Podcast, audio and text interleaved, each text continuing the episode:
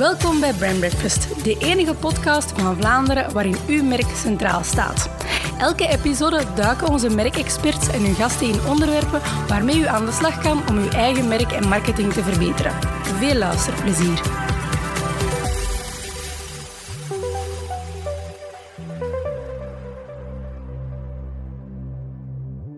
Goedemorgen, beste luisteraars. Welkom bij Brand Breakfast, onze derde uh, aflevering intussen al. We hadden er in de voorbije aflevering al naar gehint. Het zal een specialeke zijn vandaag. Uh, we, we, gaan een hele reeks gasten ontvangen in onze podcast. En vandaag hebben we de eer en het genoegen om onze allereerste gast hier bij ons te hebben, Bart de Walen. Hallo. Dag Bart, hoi. Um, voor zij die Bart niet kennen, die kans is natuurlijk klein, maar toch even officieel de bio overlopen. Bart, je bent CEO van Wijs Digital Agency, managing partner van het Mandelbrood ecosysteem, intendant van Ncube staat er ook bij. En een hele race aan medeoprichter, oprichter, bestuurder, investeerder, angel, believer, change agent. De stoeflijst. De stoeflijst, zoals dat heet, inderdaad. Ondernemer pur sang, ook blogger van Ondernemer in Gent. Mm -hmm. En uh, ja, voor de twitteraars, Netlash op Twitter. En Bart is natuurlijk ook een invloedrijke opiniemaker op onze sociale media. En meteen ook naadloos de reden waarom je, we je gevraagd hebben als gast, hè, vanuit uw, uh, uw beroep en uw interesseveld elke dag bezig met communicatie, met branding, met marketing. Wellicht voornamelijk voor eerst uit een digitaal standpunt, maar ook breed daarbuiten. Mm -hmm. En dat is misschien ook de eerste vraag om mee binnen te vallen, Bart. Hoe zie jij dat landschap? Hoe evolueert uh, communicatie uh, voor jou? Ja. Een super interessante vraag, want het uh, is veranderd, is aan het veranderen. Um, je kan dat van, van twee verschillende kanten benaderen. Um, vanuit de kant van, van het bedrijf, van het merk. Mm -hmm. uh, en wat, wat branding uh, en merken voor, voor klanten kan betekenen. Um, omgekeerd ook van hoe dat je daar als agency, als, ja. als, als aanbieder in, in dat landschap je moet, moet gedragen. Misschien eerst even beginnen met dat tweede. Wat mij vooral opvalt, uh, is dat, dat er nog altijd zo wat, wat, onduidelijkheid is tussen de verschillende woorden van uh, advertising, adverteren uh, en reclame, of marketing of communicatie. Het ene is een, een, deelgebied van het andere. En branding trouwens, als ik er mag aan toevoegen. Dus absoluut. Dat is ook een heel brede term. Ja, ja dus er wordt altijd heel, heel fuzzy en iedereen doet, doet alles. maar het is heel belangrijk om dat, om dat kristalhelder te krijgen. Um, en inderdaad, ik vertrek, uh, dat, is, dat, is, mijn DNA, ik vertrek vanuit dat digitale, want dat is in essentie wat er de voorbije tien jaar gebeurd is. De, de eindklant, de consument, ik noem hem niet meer graag de consument, maar de eindklant is veranderd, heeft, is zijn gedrag aan het veranderen onder invloed van digitaal. En dat heeft heel wat impact uh, op, op bedrijven. Um, dat betekent dat bedrijven op een andere manier zich in dat veranderend consumentengedrag, dat klantengedrag gaan moeten, gaan moeten positioneren. Mm -hmm. waaronder digitaal. De impuls komt vanuit digitaal, maar het is niet beperkt tot digitaal. Mm. Ja. Uh, en, en dan vertel ik heel graag vaak het, uh, het, het, verhaal van de wasmachine. Ik ga dat nog een keer tot uh, in de, de treuren, ja, okay, ik ben benieuwd. In de treuren toe doen, om duidelijk te maken dat branding, dat een merk um, in dat veranderend landschap een totaal andere plaats krijgt, maar minstens even zo niet belangrijker is dan vroeger. Mm -hmm. ja. um, ik, ik, ben uh, uh, afgestudeerd in 1995, ja, dus uh, vorige eeuw. en toen ging ik alleen wonen, samenwonen met mijn vriendin. en ik moest mijn, mijn appartement inrichten en ik moest een wasmachine kopen. ik wist niks van wasmachines. Wie wel eigenlijk. Ja, voilà. um, maar goed, in 1995, wat je doet als je een wasmachine moet kopen, wat ik deed op dat moment is ik stapte een winkel binnen mm. uh, bij Van den Borre. Uh, dat liedje zat in mijn hoofd. U heeft goed gekozen. Uiteraard. Um, dus ik stapte in die winkel binnen en ik legde mijn probleem voor aan de verkoper. Mm -hmm. uh, startend gezin, nog niet veel budget, maar het moet ook nog niet veel kunnen. We zijn met twee. Die overloopt alle mogelijke oplossingen, verschillende soorten merken, toestellen, en gaat er drie naar voren schuiven. Drie verschillende, want die zegt, kijk, dit is de juiste oplossing voor uw probleem. Ja, is geschikt. Ja. En op dat moment zegt hij, kijk, van die drie, ik zou de Miele kiezen. Want ik heb dat thuis ook. Hmm. Ik denk dat hij thuis uh, twintig wasmachines staan had. Maar, ja, afhankelijk van wie er voor hem stond. Voilà. Maar dat is, uh, dat is hoe dat mijn beslissingsproces op dat moment uh, in elkaar zat. Hè. Eerst naar de aanbieder van een borrel, dan mijn, mijn probleem voorleggen, de oplossingen, de verschillende hmm. oplossingen zoeken en vandaar naar het product. Hmm. Nu, in, in 2015 Uh, na twintig jaar is mijn wasmachine kapot gegaan. Dan heb ik een nieuwe moeten kopen.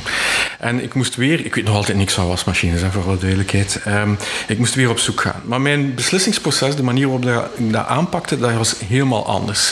Ik weet niet hoe dat jij dat doet als je nu iets moet kopen. Wat is het eerste wat je doet?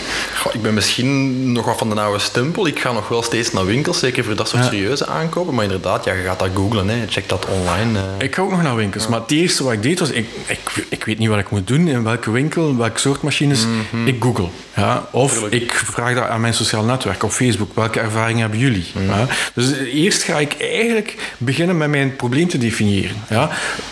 Iets groter gezin, vijf, uh, vijf kinderen, alle iets verder in ons leven, dus het budget mag al wat groter zijn. Moet ook wel al wat meer kunnen, want ik heb twee zonen die rugby spelen, dus dat moet heavy duty zijn. Ja. En het moet vooral heel stil zijn, want het moet naast mijn slaapkamer liggen. Ja. Dat is het probleem. Op daarop begin ik te zoeken, met te informeren, uh, zowel betaalde reviews als, als, als spontane reviews te lezen aan mijn sociaal netwerk. En dan kom ik tot een drietal machines, een drietal oplossingen. Ja. Um, en dan, op dat moment, pas ga ik naar de winkel. Ja, fysieke... Ja. ja. En, daar, en daar stap ik verder. En dan zie je, um, ik kies daar ook weer die Miele.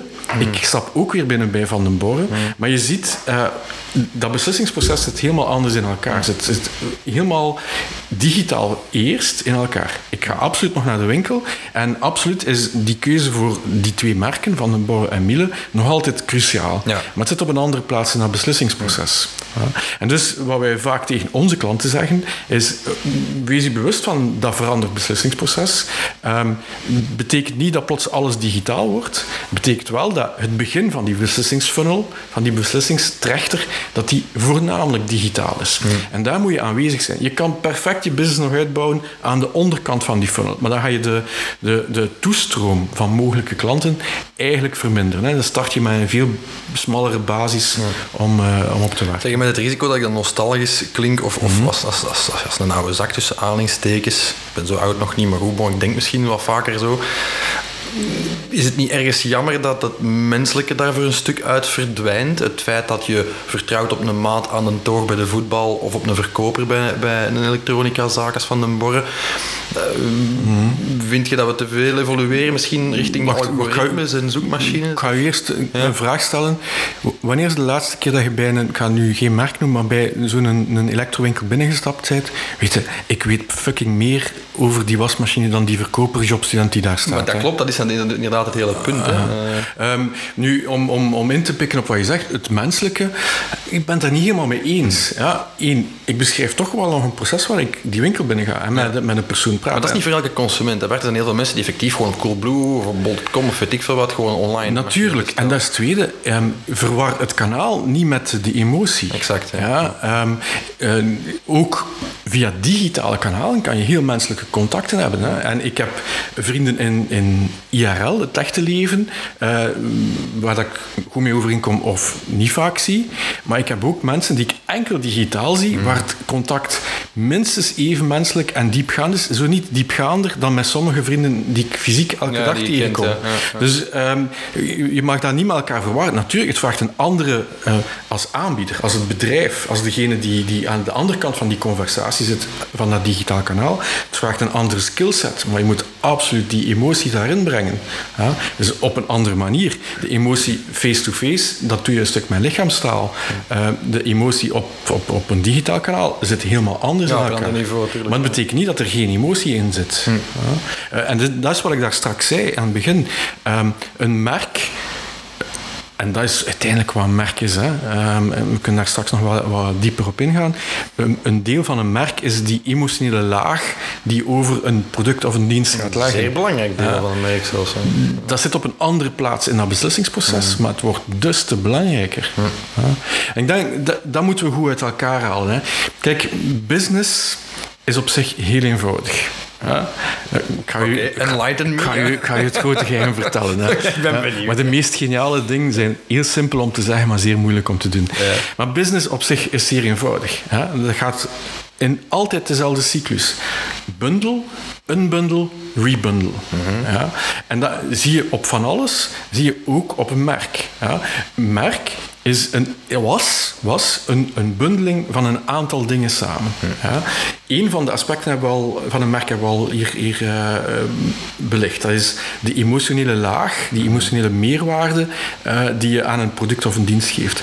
Maar vroeger was, was uh, een merk alleszins ook nog iets anders. Ja, dat was... Um, een soort van, van uh, shortcut in je geest, omdat je niet alle informatie tot je beschikking had om rationeel een keuze te maken. Ja. Ja? Dus als je moet kiezen tussen uh, uh, tien verschillende elektrowinkels... Dan kies je voor degene die je kent. En je ja. hebt geen middel om daar een soort van keuze in te maken, niks dat u geleidt om die keuze te maken, dan is een merk, dat liedje van Van den Borg dat in mijn hoofd zit, is een soort van shortcut in mijn geest, exact. die zegt, kijk, je moet niet de moeite doen om te zoeken.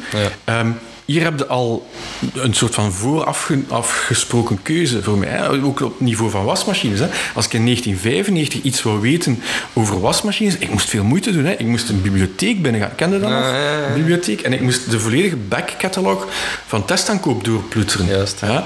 Um, dat was in 1995. Als ik dat in 2005 iets over wasmachines moest leren, ja, dan kon dat al op een computer, maar dat was op een vaste computer aan een kabel in zo'n bureau, een kamer in mijn huis. Mm.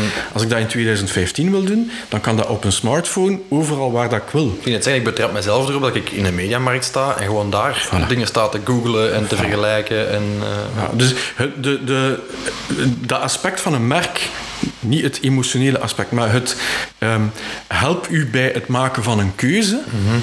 ja, um, dat is vervangen door middelen die, die veel frictielozer zijn. Hmm. Ja, vroeger was het onmogelijk. Je kon niet voor elke aankoop naar de bibliotheek gaan Tuurlijk. en die, die, die backcatalog doornemen. Dat kun je nu bijna wel.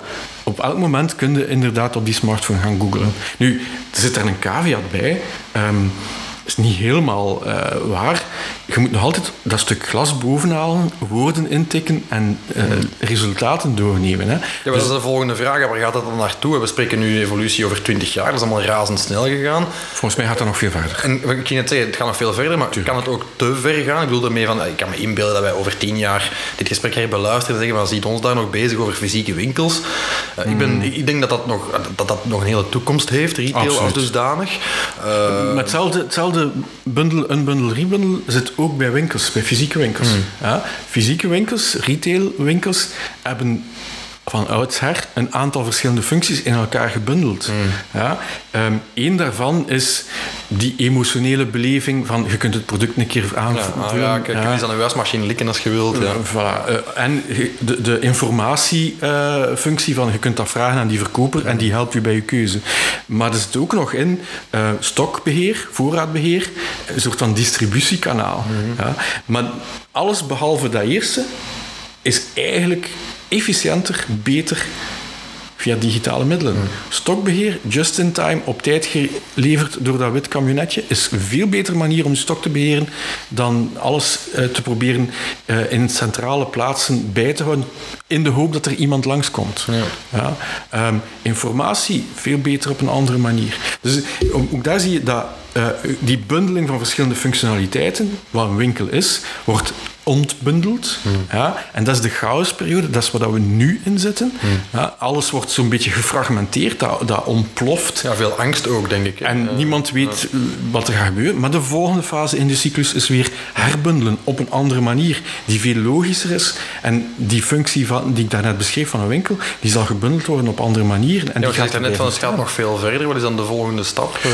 Oh, weet je, de toekomst voorspellen is... uh, is is makkelijk en moeilijk tegelijkertijd. Mhm. Um, uh, dat gaat heel veel over scenario's beschrijven. Uh, en als die niet uitkomen, zeggen het is nog te vroeg. Ja. De markt is er niet klaar voor. um, ja. ik, ik, probeer, uh, uiteraard, wij proberen vooruit te kijken. Hè. En ik denk dat dat ook een belangrijk stuk van mijn job is. Mhm. Um, het pad dat ik zie, is dat Hans dat stuk rond informatie en recommendation, mm -hmm. dat dat nog veel verder gaat en nog veel frictielozer. Het pad van de uh, bibliotheek in 1995 naar de vaste computer in 2005, naar de smartphone in 2015, mm -hmm. dat pad zal verder gezet worden. Ja? En dan kan je van, over van alles beginnen nadenken wat dat is. Zijn dat dan de, de chatbots uh, die dat zijn? Zijn dat dan de uh, Alexa en de Google Homes? Mhm. Mm -hmm. zijn dat de AR-brillen? Ik weet het niet. Ja. Ehm, dat kan elk van die scenario's zijn. Maar het proces van uh, dichter bij die informatie staan en die informatie die frictielozer bij mij komt, dat is onvermijdelijk. Dat, dat gaat gebeuren. Ja. Dus als je dat nog altijd gebruikt als manier om je merk en je bedrijf en je winkel uit te bouwen, uh, forget it. Dat pad gaan we niet meer terug af. De uh, schoenenwinkel die in provinciestad ik ga, ze nu, ik ga het nu noemen, provinciestad Eeklo, uh, succes heeft omdat het de enige schoenenwinkel is. Ja, dat is niet meer. Uh, en dus steunt op het distributieaspect van zijn winkel. Mm. Forget it. Mm. Uh, die wordt gepasseerd door de Zalando's van deze wereld. Mm. Die schoenenwinkel in Eeklo, die, die daar iets anders aan toevoegt. En dan kunnen we van alles beginnen doen. Hè. Service, beleving, um, smaak. Ja, volgens mij is de essentie van een winkel ja, en een winkelier... aanspreken van de consument. dat jij de, de, selectie voor hen doet, ja, is, is essentieel. Als dat als sterkte uitgebouwd wordt, dan heeft een winkel absoluut nog zijn plaats. En is, is dat wat, we hebben nu over retail, maar is dat wat merken in het algemeen moeten doen, zich daar op die manier op voorbereiden en iets meer doen dan... In mijn eigen lezingen zeg ik altijd, we zijn geëvolueerd van de unique selling proposition van de jaren 50 en 60 mhm. naar emotie verkopen en nu naar beleving verkopen. Ik merk dat dat bij heel veel KMO's soms heel moeilijk te vatten is. En inderdaad nog in dat scenario van de traditionele schoenenwinkel in Eeklo, dat je daarnet uh, beschrijft. Maar moeten merken vandaag doen om mee te zijn met al die tendensen? Heeft het zin dat ze op alle hype springen? Ik ga ervan uit van niet. Nee, dat, uh, dat duidelijk niet. Hè. Je moet altijd het, het, verschil maken tussen hype en trend. Hmm. Ga, uh, complex en, en, en uh, multifaceted antwoord daarop. Hè. basis is hou uw klantengedrag in de gaten. Mm Focus u niet op hypes en technologie, maar focus u op het gedrag van uw klanten. Ja, customer centricity, ook al is het een doodgeslagen term. Uh, voilà. Ja. Uh, nu, wat moet een merk, wat moet een winkel doen? Ik ben een beetje bang van dat woord beleving. Ja, ik denk dat het waar is. We moeten inspelen op die beleving. Maar dat wordt te vaak heel monolithisch en, en, en eng begrepen als elke winkel moet een Tomorrowland worden van... Ja, van dat is het niet. Soms kan een beleving zijn dat het zo super efficiënt loopt, um, dat, dat, dat, dat de beleving aan zich is. Ja. Dus ook daar inspelen op de nood van uw klant. En voor sommige dingen wil ik een Tomorrowland-ervaring. En voor sommige dingen wil ik, alstublieft... De eenvoud zelf dan spreken. Opnieuw, ik, ik, mijn, mijn voorgeschiedenis ligt in het bankwezen. Hè. Um, 95 tot 2005 heb ik in een bank gewerkt. En een van mijn belangrijkste taken daar was mensen helpen om niet meer geld aan het loket af te halen, maar aan de bankautomaat. Ja? En een ganse generatie die opgevoed was met geld aan een loket, nou, die, die hielen in het zand, die vechten daartegen. Ja? Als je mij dat nu zou vragen, en ik denk aan de meerderheid van de mensen, zou vragen, als je bankbiljetten wilt, ja. ga naar een bankloket. Ja. Uh, maar ik, ga je verzond verklaren. waanzin hoe, bij, ja. hoe ongemakkelijk. Ja, wie gaat daarvoor aanschuiven? Voilà. Dus um, die, die transactie de beleving daarvan is zo frictieloos mogelijk hmm. maken en, en niet uh, toeters en bellen. En misschien is dat wel de key to court naar, naar goede beleving. Hè? Ik denk, denk beleving inderdaad hoeft niet altijd ik weet niet wat te zijn. Dat is eigenlijk gewoon in, in die touchpoints die je tegenkomt, het in klanten tegenkomen, daar zo, zo min mogelijk frustratie en... en, en... Je hebt altijd twee. Hè? In, een, in een auto heb je een gaspedaal en een rem. Hmm. Ja? En als je vooruit wilt gaan, moet je en niet meer op de rem staan en de gaspedaal induwen. Ja, dus je moet en frictie wegnemen en goesting toevoegen. Hmm. Ja, um, maar de essentie is luisteren, luisteren, luisteren naar wat is de verwachting van uw klant en die een klein beetje overtreffen. Want dat maakt dan weer het verschil. Nu, dat is één antwoord rond dat beleving. Het tweede, en dat is dan voor mij iets complexer. Um, we zijn aan het flippen en dan komen we op het punt van data. We zijn aan het flippen van, uh, aan, het, aan het omkeren van vooraf dingen maken en die verkopen naar de dingen pas maken als ze al verkocht zijn. Ja. Ja? En als je, ik ga nu weer fashion en kledij en, en winkels pakken als voorbeeld. Als je dat eigenlijk goed bekijkt, hoe debiel is dat niet georganiseerd? Moest je Hans die, die distributieketen uh, van nul zonder voorgeschiedenis moeten ontwerpen? Zouden dat niet op die manier... Zouden dat nooit... Uh, moet ik hier denken, er zijn een paar mensen die één, twee jaar op voorhand bedenken wat het de klant, de consument, mooi zal vinden. Gaat dragen, gaat willen. Ja. Dan wordt dat ergens in het oosten uh, massaal gemaakt. Dan wordt dat massaal getransporteerd. Wordt dat hier opgeslagen in duizenden kleine boutiquesjes en winkels overal. En dan wordt er gehoopt dat die mensen gaan langskomen en dat kopen? Of wordt er massaal een reclamecampagne gepusht om die dingen die al gemaakt zijn te verkopen? Hoe nozel is dat niet? We gaan dat omkeren. Ja? En dan zie je in fashion, je hebt de Hans de hype van fast fashion, hè? de Zara's van deze wereld. Ja? Wat zij doen, is niet fast fashion. Wat is een succes? Is dat zij dichter bij dat beslissingspunt gaan, gaan komen van de eindklant. Ja? Dus ze gaan ze doen nog altijd op dezelfde manier. Hè. Ze versnellen Hans dat proces, ehm, maar ze beginnen meer en meer het gevoel te creëren dat je gepersonaliseerde dingen kunt kopen. Daar.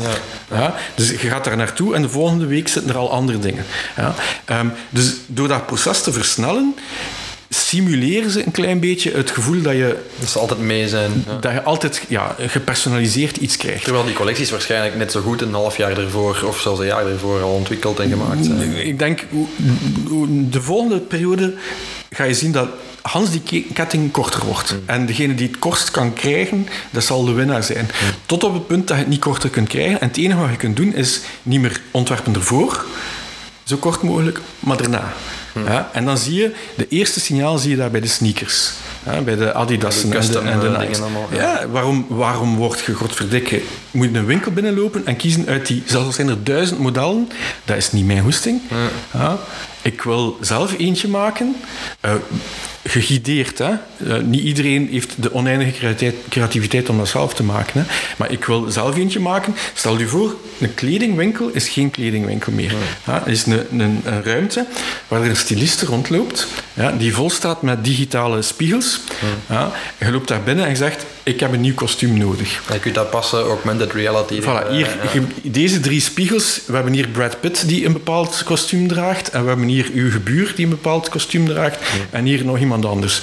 Welk van de drie zou het zijn? Ah, dicht bij dat. Maar oké, we gaan uw lichaamskallen, we gaan het aanpassen en misschien toch een andere kleur en misschien een ander snit.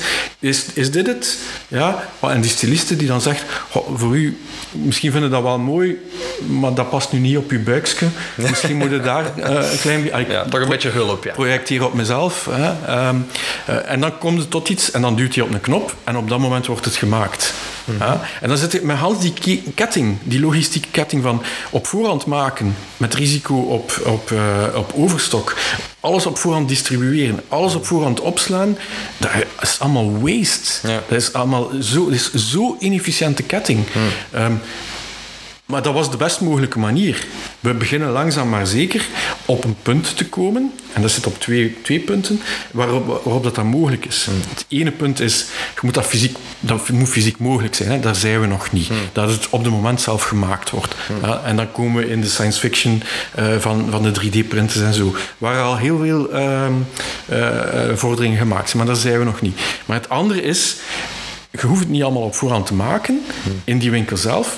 Je hebt de data van die mensen nodig om iets misschien uit een stok van 3000, dat juist dat ene te halen, dat één op één voor die persoon geschikt is. En dan moet die persoon niet kiezen uit 3000, dan krijgt hij dat ene dat gelijk op maat voor hem gemaakt is. En dan heb je ook dat effect. En dan komt het op data. En we, kunnen dat nu, we hebben dat nu op, op kledij uh, gezet, maar je kunt dat voor mij op alles gaan toepassen. Ja, net zo goed op een kopieermachine of op een auto. Of, uh, op een dienst, op een, reis, op, een, op een product. Ja. ja. Um, en dus die keuzestress die we hebben hè, en die we proberen op te lossen door rationeel informatie te zoeken, door emotionele shortcuts te pakken van, van een merk, door andere minder uh, uh, manieren, omdat de emotie die, die daarin meespeelt, de, al die dingen, die shortcuts, ja, die, die, die ga je passeren door iets te maken dat eigenlijk gewoon inspeelt op wat ik wil. Die personalisatie te koer is, is natuurlijk wel de toekomst. Ik denk dat we ook mhm. als zowel B2B als B2C al verwachting hebben dat dingen echt tailor-made zijn, of zoveel mogelijk tailor-made zijn. Hoe, hoe, vertaalt zich dat naar de marketing daarvan? De, de ik zie geregeld, ik zal zeggen waar de vraag vandaan komt, zie je geregeld op je Twitter ook dingen opduiken, uh, cijfers, studies die je dan vindt en, en, en publiceert of retweet.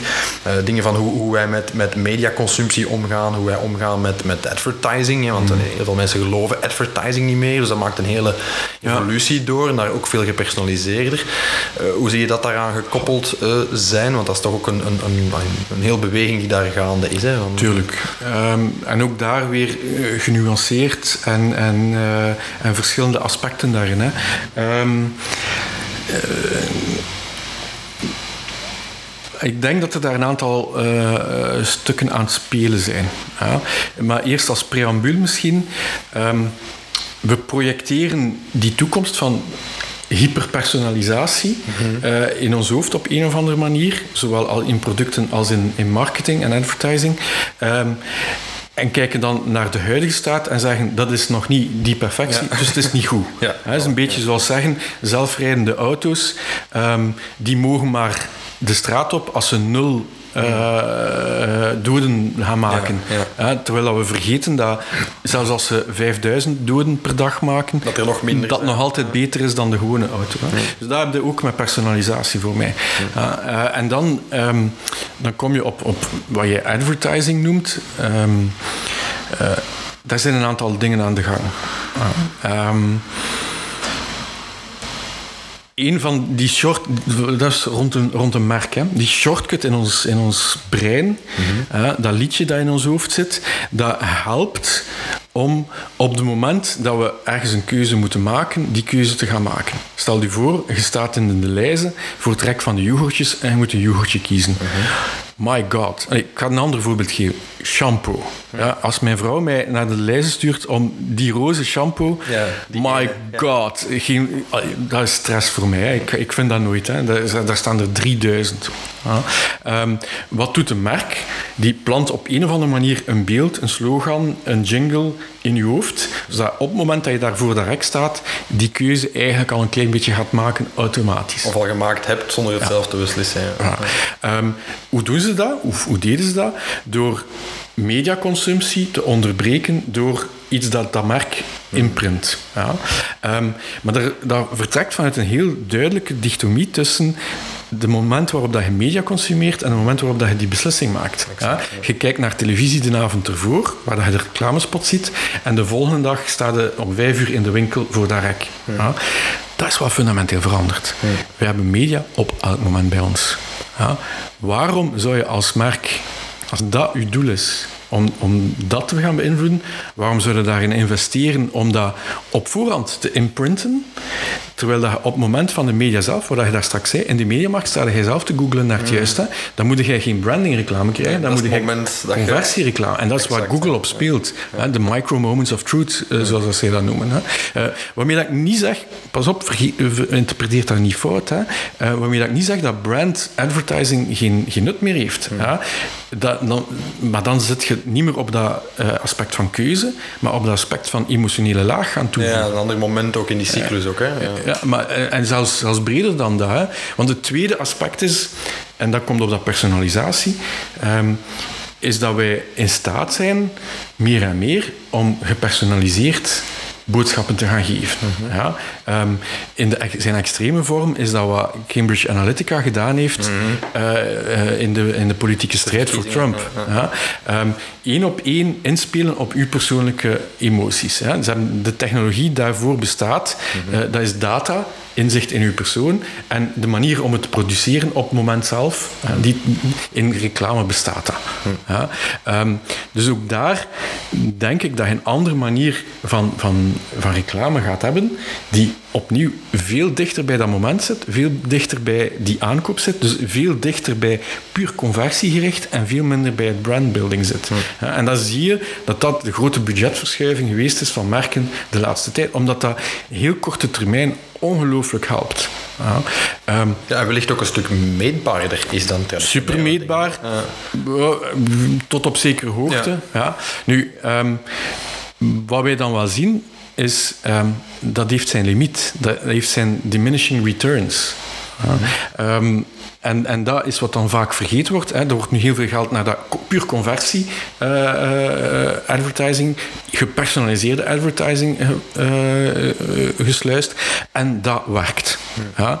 Um, reclame, hoe dat er ook tegenover staat, maar de meeste reclame gepersonaliseerd op de Facebooks en Googles van deze wereld, werkt voor mij als persoon veel beter dan de meeste reclame op de televisie. Hmm. Ja, op televisie kijk ik naar, op de zondagavond naar Game of Thrones en word ik onderbroken door reclamespots voor tampons en pampers. En I don't fucking care. Ja. ja dat heb ik niet op Facebook. Ja. Opnieuw, zijn die reclames op Facebook en Google 100% perfect? Nee. Zijn ze meer gepersonaliseerd en beter? Hm. Volgens mij wel. Nee.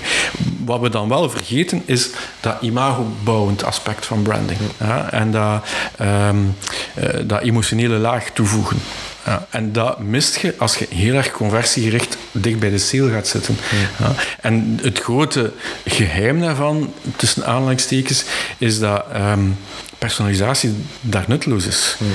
Uh, het imagobouwend effect van een merk, uh, van reclame voor een merk, uh, moet je eigenlijk doen ook voor de niet-kopers. Ja. om het met, met een boutade te zeggen, de reclame die Porsche maakt, is vooral gericht naar niet-Porsche-kopers. Ja, zodat er in het hoofd van die niet-Porsche-kopers een bepaald imago van Porsche zit, waardoor dat de Porsche-kopers zeggen van oh, ik wil vooral dat andere mensen zo over mij denken. Ja. ja? Dus um, dat brandbuilding aspect zal nog altijd via een, een massakanaal moeten mm. gebeuren en niet gepersonaliseerd. Maar geldt dat voor alles? Ik zou soms een voorbeeld geven, Pampers bijvoorbeeld. Ik kan me inbeelden dat je als uh, Procter Gamble of Unilever of andere multinationals zegt van ja, mij interesseert dat eigenlijk niet. Of niet ouders weten dat die Pampers bestaan. Want dat is dan, dat is dan geen uh, imago-building product, dat, zoals een Porsche dat wel is. Oh, ik, ik weet het niet. Ik weet het niet. Um, dat is een grote vraag. Hè. Dus, uh, Um, dat is wat, wat uh, professor Scott Galloway, als je die kent, als je die niet kent, misschien moet je daar even uh, de link ergens bij posten of zo. Supergast, uh, een van de slimste mensen in digitaal, volgens mij de laatste twee jaar. Mm -hmm. hij heeft een boek geschreven, The Four, denk ik. moet maar eens opzoeken. Maar Scott Galloway zegt: um, het tijdperk van de merken is gedaan waarmee dat hij bedoelt, dat is zijn boetade, waarmee hij bedoelt, um, de pampers van deze wereld hebben heel veel op basis daarvan um, een soort van premium prijs kunnen vragen mhm. voor basically eenzelfde product. Ja. ja. en dat is gedaan. Dat wordt door gans dat digitale opengeblazen, dat, dat kun je niet meer, niet meer wegsteken. Ja. Um, is dat voor Pampers zo? ik denk dat er daar nog altijd een emotionele laag op zit. Hè. Um, dus ik weet het niet. Nee, ja. ik vind het interessant om over na te denken. In geval. Eh. Ja. Maar daar zit een groot gevaar, hè, want een van de volgende grote spelers, eh, digitaal heb je eigenlijk op dit moment een duopolie. Mm en dat is Google en Facebook. Tuurlijk, ja. Al de rest speelt in de marge. Mhm. dus uh, mijn beste advies aan, aan, uh, aan, aan bedrijven, ondernemers, merken uh, die digitaal willen bezig zijn, uh, je niet bezig met die marge. Dat, is, dat is speelgoed. Focus op de twee ja, daar, jongens. Daar zit het. Hè. En de rest kunnen mee experimenteren, maar het zit daar. Um, nu, er is een derde aan het komen, in de US al heel duidelijk. En dat is Amazon. Ja. Uh, Amazon, de advertising business van Amazon is al ettelijke miljarden dollars groot. Hmm. Ja. Um, en dat is wel, wel, wel een die belangrijk is, want die zitten veel dichter bij de sale. Hmm. Ja, als ik zo dat een beetje in een trechter mag, mag gieten, um, dan zit Facebook bovenaan, nog in de awareness uh, fase van we weten het eigenlijk nog niet goed. Ik ga direct een voorbeeld geven. Google zit al, ah, ik ben al op zoek naar een product. Uh, en Amazon zit, ah, ik wil het nu effectief kopen. In de winkel eigenlijk. Ja, ja. Dus, dus die hebben het, als die dat beheersen, ja, dan, dan, dan zitten die heel dicht bij de sale. Hè. Om u dat, dat onderscheid duidelijk te maken, bijvoorbeeld, we, uh, we werken in online marketing voor een bedrijf dat tekentuinmeubels uh, verkoopt. Um, en op Google adverteren wij op zoekwoorden zoals uh, tekentuinmeubels of tuinmeubels. En daar staat een zeer conversiegerichte advertentietekst naast. Koop nu, gratis, direct leverbaar. Ja, dus, hier, ja. Uh, op Facebook adverteren wij ook voor datzelfde bedrijf, mm -hmm. um, maar niet voor mensen die al aanduiden. In Google duiden ze de intentie aan van ik wil hier iets kopen. Facebook niet. Ja. Maar daar hebben ze wel interesses aan. Ja, daar liken ze de tuin en daar liken ze voilà. terrasjes doen met vrienden. Voilà. En, dus wij adverteren op mensen die aangeduid hebben dat ze graag barbecuen of dat ze graag tuinieren. En daar zetten we niet conversiegerichte teksten, maar inspirerende teksten. We weten dat ze graag in de tuin zitten, maar die mensen weten nog niet dat ze een tekentuinmeubelset willen kopen. Juist. Dan moeten we inspireren. Dus dat is, dat is het verschil. Amazon zit nog veel dieper, veel dichter bij die sale. Tuurlijk, ja. En dat is wel het grootste gevaar. Uh, en dat is, als we het daar straks hadden over de toekomst, gaan het chatbots zijn of de Alexa's van deze wereld. Ja, als je aan een Alexa, dat is een, een voice-controlled uh, um, uh, computer, als je aan die vraagt, geef mij pampers, ja, dan krijg je niet zes merken, ja, ja. krijg je één. Hè. We hebben het erover gehad in onze eerste episode trouwens, omdat uh, Stefan Belgum ook een heel stuk uh, mm-hmm. heeft in een keynote over marketing to machines. Hè. We hebben het daar inderdaad ook al uh, over gehad. Dat is een, een, evolutie waar we toch links en rechts mee moeten rekening houden. Misschien om af te sluiten, Bart, toch niet onbelangrijk. Hè. Veel wat we vandaag bespreken is ja, data-driven, sowieso digitaal mm-hmm. is heel erg data-driven. Wat met GDPR, privacy dingen, je hebt daar alle kanten van het spectrum hè, die je mm-hmm. hoort ook via sociale media. Je hebt, jij, je hebt, je hebt die zeggen privacy is voor losers. En als je uh, gerichte dingen wilt krijgen en, en, je wilt vooruit in het leven, dan, dan, moet je bereid zijn om een stukje daarvan op te geven. Je krijgt er ook heel wat voor in ruil. Je hebt de anderen die zeggen, ja nee, hoe meer men kan dichttimmeren met uh, regulering en Europese wetgeving, hoe beter. Um, hoe ga je daarmee om als, als, als organisatie? Maar of wat is uw visie daarover? Wat, wat met privacy eigenlijk ja. in de toekomst? Want... Ja, de toekomst is nooit um, goed of slecht. Het is altijd een beetje vuil in het midden. Uh, um, ik denk, gans de GDPR, essa was goed bedoeld. Hm. Uh, vanuit twee zaken. Je mocht data van je klanten niet misbruiken. Hm. En twee, je moet met die data ook op een secure manier omgaan. Ja. Dat ze niet kan gehackt worden. Dat tweede, voor mij, uh, dat staat buiten kijf. Evident, ja, exact. Ja. Dat eerste, dat kun je, daar moet je dan over discussiëren. Hm. Wat voor mij heel essentieel is, dat je de verwachtingen inlost, dat je daar transparant over bent. En vooral, als het dan specifiek over digitaal gaat, dat je dat niet deelt met derden. Dat je die data niet verkoopt. Ja. Dat je die data voor jezelf gebruikt. Ja. En uh, gebruikt om een betere service, een beter product aan je klant te bieden. Dat, als je dat wilt verbieden, weet je, dat is achteruitgang en dat, dat is niet goed. Ja, is dat de vraag, zoiets als GDPR, hè, nog andere initiatieven uh, buiten Europa en zo ook rond, rond, rond dataregulering is dat eigenlijk een goede zaak. Ik, ik, weet niet of dat altijd een win is voor al de betrokken partijen. Nee, zoals in de eerste plaats de klanten. Zoals het nu uitgevoerd is, is het vooral, is het vooral een nuisance en, en, en, en ga, verliest iedereen eronder. Ja, behalve de advocaten die... Ja, die de opleidingen geven om uh, GDPR-compliant te zijn. Ja. Dus goed, we kunnen, we kunnen daarover discussiëren, maar eigenlijk moet je altijd met gezond boerenverstand hmm. terugkeren naar, naar, naar um, naar die, die winkelier die 20, 30 jaar geleden in zijn winkel staat. Ja. Als ik een kledingwinkel binnenstap, mijn, waar ik mijn kostuums koop, ja. Uh, en die mens meet mij op, die heeft nogal vrij privé informatie van mij. Hè. Je gaat en, ook niet in een poster in zijn vitrine hangen of delen met andere klanten. Hij, hij moet hebben. En ik vind dat maar fair. Hmm. Als hij morgen diezelfde data verkoopt aan de melkboer om de hoek, ja, dan heb ik daar wel een probleem mee. Hm. Ja, dus zit hem daar. Zit hem, gebruikt je dat voor het doel waarvoor het bedoeld is, hm. of niet? En dat tweede is heel vaak... En, en pas op, hè, dat heeft niks met digitaal te maken. Hè. Is heel vaak misbruikt geweest. Hè. Hm. Kijk een keer naar Bpost, pre-internet. Uh, die verkopen... Ja, databases met straten. Hè. Nee, nee, nee.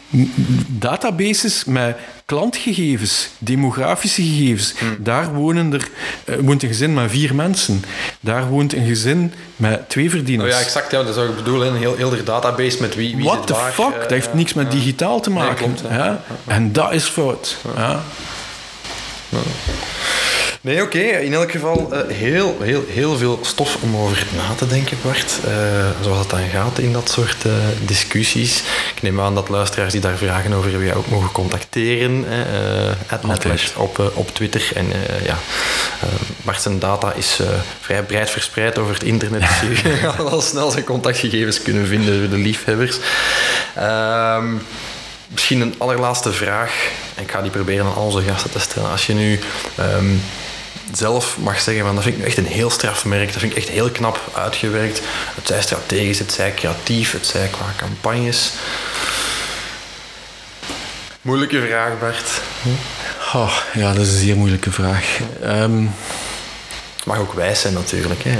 Maar uiteraard. uiteraard. Uh, um, ja, maar ik bedoel, heb je bijvoorbeeld recent iets gezien van, van, van een concept dat je denkt van, goh, dat wou ik dat ik zelf bedacht had of gemaakt?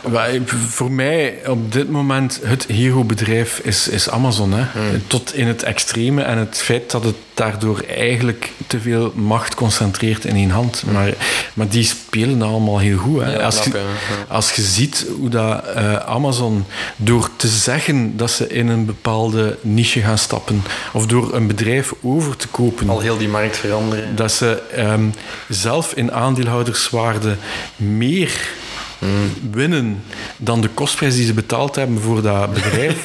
My god, dat is de droom van elke ondernemer. Tuurlijk. Ja. Dus ik denk dat dat heel goed in elkaar zit. Oké, super. Knap antwoord. Bart, ja, rest mij enkel uh, u te bedanken voor uw komst naar onze uh, toch behoorlijk warme studio hier nog, uh, beetje in de zomer.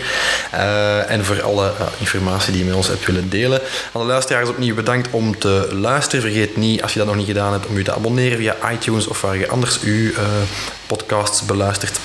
Um, en ja, vragen en opmerkingen mogen ons altijd bezorgd worden via hello at brandbreakfast.be of met de hashtag brandbreakfast op het sociaal medium naar uw keuze. Bedankt voor het luisteren. Tot de volgende keer. Bye.